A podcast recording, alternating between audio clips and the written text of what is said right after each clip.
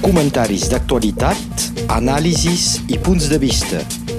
La crònica d'opinió amb el professor Joan Becat. Ja el tenim aquí amb nosaltres, Joan Becat. Bon dia. Bon dia. Una de les temàtiques que va ocupar l'actualitat la setmana passada va ser el suplicatori contra els eurodiputats catalans Carles Puigdemont, Toni Comín i Clara Ponsatí. Què és un suplicatori? Sí, doncs, quan el Tribunal de la Unió Europea va validar l'elecció de Carles Puigdemont i Toni Comín com a eurodiputats, el Tribunal Suprem espanyol va dipositar un suplicatori prop del Parlament Europeu perquè es votés l'aixecament de llur immunitat parlamentària i que, doncs, el Tribunal Suprem els pugui jutjar. Clara Ponsatí va entrar al Parlament Europeu després, quan van marxar els anglesos, i també se demana la mateixa cosa per ella. Un suplicatori, una súplica, en francès, és un escrit pel qual se demana una cosa a una autoritat superior, doncs al Tribunal Suprem, al Parlament Europeu. Aquesta demanda, que ara és una demanda, té un camí previst pel reglament de l'Assemblea. Primer, passa davant de la Comissió d'Afers Legals, que té 25 membres de tots els estats del Parlament, habitualment un o dos per cada país, que són molts països, més de 20, i hi ha 25 membres. Eh, I, com passa com per les altres comissions, estudia el cas, fa compareixer els diputats, ja s'ha fet, i un ponent fa un informe que la comissió vota. És la proposta d'aixecar o no la immunitat. Si s'accepta, la proposta passa al ple del Parlament Europeu, que la vota ell també, i per tant eh, decideix. Dimarts passat va ser la primera etapa la Comissió d'Afers Legals ha aprovat la proposta d'aixecar la immunitat per 15 vots sobre 25, doncs 10 que no estaven d'acord. Què pot passar si el Parlament Europeu segueix, com és molt possible, aquesta proposta? Doncs, Carles Puigdemont, Toni Comín i Clara Ponsatí quedaran eurodiputats europeus, amb tots els seus drets, dret de participació, dret de paraula, dret de vot. Però la pèrdua de la immunitat reactivarà les euroordres de detenció del jutge Llarenes eh, dipositat davant de la justícia belga i del Tribunal Suprem espanyol. Serà, doncs, a la justícia belga de dir si accepta o no l'extradició és la qüestió que ja tenia plantejada aquesta justícia des de fa dos anys i que l'elecció al Parlament Europeu va suspendre, però no anul·lar. Ara bé, sí que la justícia belga, mentrestant, ha anat fins al final d'un altre euroordre extradició contra el conseller Lluís Puig.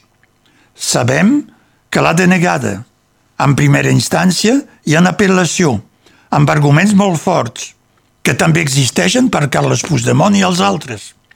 No era el Tribunal Suprem de jutjar el cas i, sobretot, Espanya eh, no era garantit a Espanya un judici just, perquè s'hi refusava la presumpció d'innocència. De fet, és una justícia d'Europa que condemna una altra justícia d'Europa. Doncs els tres eurodiputats Puigdemont, Comín i Ponsatí, iran davant del mateix tribunal belga i davant la mateixa cort d'apel·lació. Diran el mateix o canviaran de parer un any després davant de la mateixa situació i les mateixes amenaces. Tothom pensa que la justícia belga confirmarà la primera sentència per una segona sentència semblant. En aquest moment, el tema de les euroordres seria tancat Només el cas podria continuar, i probablement així serà, si el Tribunal Suprem espanyol o els tres encausats van davant del Tribunal de la Unió Europea, per sobre. Pregunta semblant a la que plantejaven fa un instant per la justícia belga. El Tribunal Europeu que ha dit que eren eurodiputats amb immunitat. Se tirarà enrere o no? Desfarà el que va acceptar l'any passat. Car, a més, hi ha aquesta vegada, per ell, els arguments de la sentència belga sobre el cas Lluís Puig. Per tant, tot i la primera etapa guanyada pel jutge Llarena i els eurodiputats espanyols, membres de la Comissió d'Afers Legals, i davant de la segona possible victòria davant del ple del Parlament Europeu, sembla que el jutge Llarena tingui molt negre al final de la història. Però davant d'aquesta situació, aquest jutge espanyol, Pablo Llarena, ha reaccionat. Efectivament, a la sorpresa general. Això fa que fa pocs dies, i sense esperar eh, el resultat del vot del Parlament Europeu, ha pres una decisió insòlita i precipitada. Anticipant de molt el pas de les diferents etapes que acabi d'indicar, ha decidit de presentar al Tribunal de la Unió Europea, doncs al Tribunal Final, una qüestió prejudicial. Què és això? Una qüestió prejudicial és una precaució que prenen sovint els advocats o els tribunals dels estats membres abans d'una sentència per verificar per endavant si complirà els requisits del dret europeu. És a dir, que la pregunta no és sobre el fons, sobre què passarà, sinó sobre la manera de fer, que s'ha de respectar. Són aclariments o precisions demanats per assegurar-se que després, si la sentència és recorreguda i puja en aquest tribunal, no serà atacada per no respectar les normes, sinó sobre la qüestió mateixa, al fons. Si el jutge Llarena és tan segur del seu bon dret i si el Tribunal Suprem espanyol diu que ell preval sobre les decisions europees, com ha fet per Oriol Junqueras, que el Tribunal Europeu ha declarat eurodiputat i que el Tribunal espanyol ha guardat a la presó i sempre hi és, per què fer aquesta qüestió prejudicial? precisament per cobrir-se en cas de fracàs al final. Vol demanar quins són els criteris que s'han de formular per un euroordre, car el Tribunal Suprem espanyol discrepa de la interpretació que en fa la justícia belga i per tant li demana qui té raó, els belgues o nosaltres. És cobrir-se i si ell diu que no tenen raó, doncs deixaran. Si no, són ells que condicionaran. Per obrir-se, per cobrir-se encara més, el jutge Llarena ha donat tres dies al Tribunal Suprem i als advocats dels tres eurodiputats catalans per enviar els seus suggeriments. Això vol dir que vol mullar el Tribunal Suprem. No vol ser només ell que faci les faltes i que ha fracassat. Per anticipació, no vol ser el dendon de la farsa, com diuen en francès, i que pagui el preu se vol cobrir. Els advocats de Carles Puigdemont, Toni Comín i Clara Ponsatí, han agafat la cosa immediatament i han indicat que demanaran al·legacions a transmetre al Tribunal Europeu. Per exemple, pregunten per saber si durant l'any passat el jutge Llarena ha violat els drets dels eurodiputats mantenint l'ordre de detenció que els impedia d'entrar a Espanya quan podien passejar per tota Europa. O encara, la pregunta sobre el fet que va subratllar el grup de detencions arbitràries de les Nacions Unides, com la sentència belga, el jutge Llarena era competent o no per dictar les euroordres. I, per tant, tenim una cosa interessant i un merder assegurat. Joan Bacat, s'ha dit també que hi va haver pressions sobre la Comissió d'Afers Legals i sobre el Parlament Europeu. Sí, molt fortes. I fins i tot hi ha una enquesta interna sobre el funcionament d'aquesta comissió demanada pel president del Parlament Europeu. I per tant es veu que les coses van ser fetes a la torera, eh? com un torero, a la manera espanyola. Primer, qui constitueix aquesta comissió? En general, és un o dos diputats de cada estat. Eh, S'ho reparteixen. Aquí, no. Hi ha cinc diputats espanyols. És a dir, que si n'hi havia la mateixa quantitat, seria més d'una centena, d'un centenar. Eh, I de tots els partits. Hi ha dels socialistes, hi ha del Partit Popular, hi ha de Ciutadans i hi ha de Vox. És a dir, que hi són tots. Per què?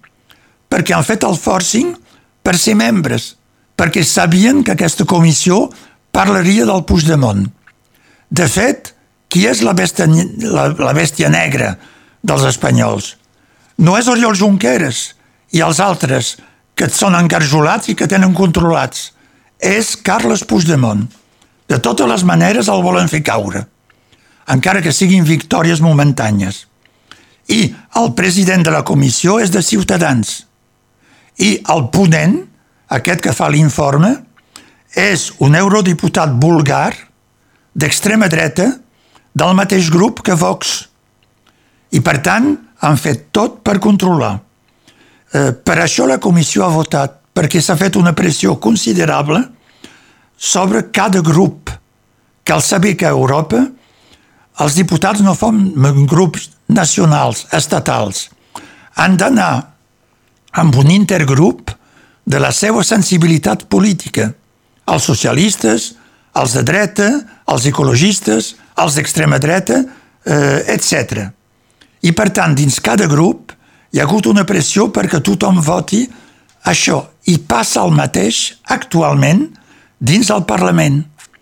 Com que el grup dels socialistes, del Partit Popular i d'una altra part de la dreta són majoritaris, eh, és possible que sigui votat eh, l'aixecament la, de, la, de la immunitat.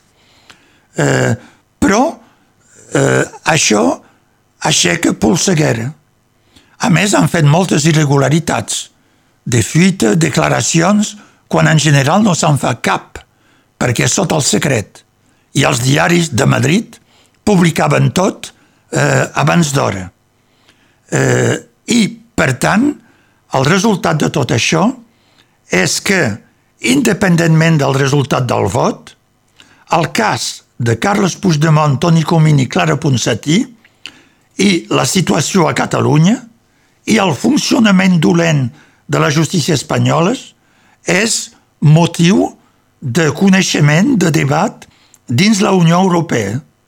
Més eurodiputats són sensibilitzats al que passa a Catalunya i a Espanya.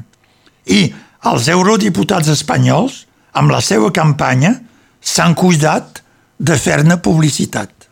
Continuarà perquè la setmana que ve justament és quan arriba aquest suplicatori i el vot al, al Parlament sí, Europeu. La, el, el, els oients de, Catalu de, perdó, de, de Radio Arels eh, sabran de què va. I perquè sovint als diaris hi ha anuncis que no corresponen a la realitat, com condemnar tota l'altra cosa, en realitat és una etapa. Acabarem, uh, Joan Bacat, parlant de la vacunació a nivell mundial uh, pel que fa, evidentment, a aquesta pandèmia de coronavirus. Sí, una reflexió, quatre paraules. La vacunació, com tothom sap, progressa eh, però de manera desigual segons els estats i segons la situació eh, de l'aprovisionament amb vacunes. Progressa també al mateix temps la contaminació, ja que hi ha variants que l'acceleren. És a dir que, malgrat signes encoratjadors, eh, no estem eh, en situació bona. Els signes encoratjadors són, per exemple, que a França eh, els que són més afectats per casos greus o defuncions no són més els més de 75 o 80 anys, perquè molts són vacunats, sinó els que són just abans i que fan part dels que precisament fins ara no han estat vacunats. Hi ha estats que van molt més de pressa. Però estem en una fase intermediària i falten mesos per canviar la dinàmica és a dir, que la vacunació i la gent immunitzat perquè han tingut el coronavirus i s'han salvat eh, sigui prou important.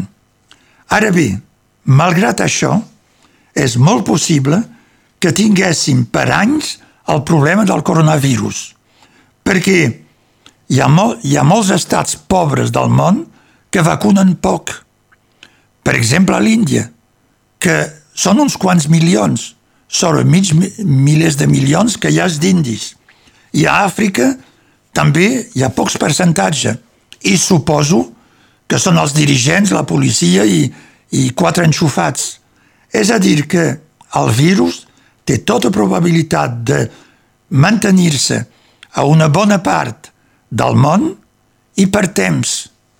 Això fa que, si arribem a una certa immunitat a Europa i als països rics, no ens podrem desfer de la pandèmia, que ens arribarà constantment per les migracions, per la gent d'Europa que va de vacances a Àfrica, Amèrica Llatina o, o a l'Orient, o eh, pels viatges de treball eh, que hi ha tot arreu del món. I per tant, la única solució serà una vacunació mundial. Com que aquests països no s'ho poden pagar, això vol dir que, per egoisme, per autoprotegir-se, els països rics hauran de comprar vacunes massivament d'aquí un any, per exemple, quan els laboratoris ho puguin fer i que els rics siguin servits, ho hauran de comprar per donar-ho als països pobres per treure del món aquesta pandèmia. És el que podem dir avui. Moltes gràcies, Joan Becat. Bon dia a totes i a tots. Comentaris d'actualitat, anàlisis i punts de vista. La crònica d'opinió amb el professor Joan Becat.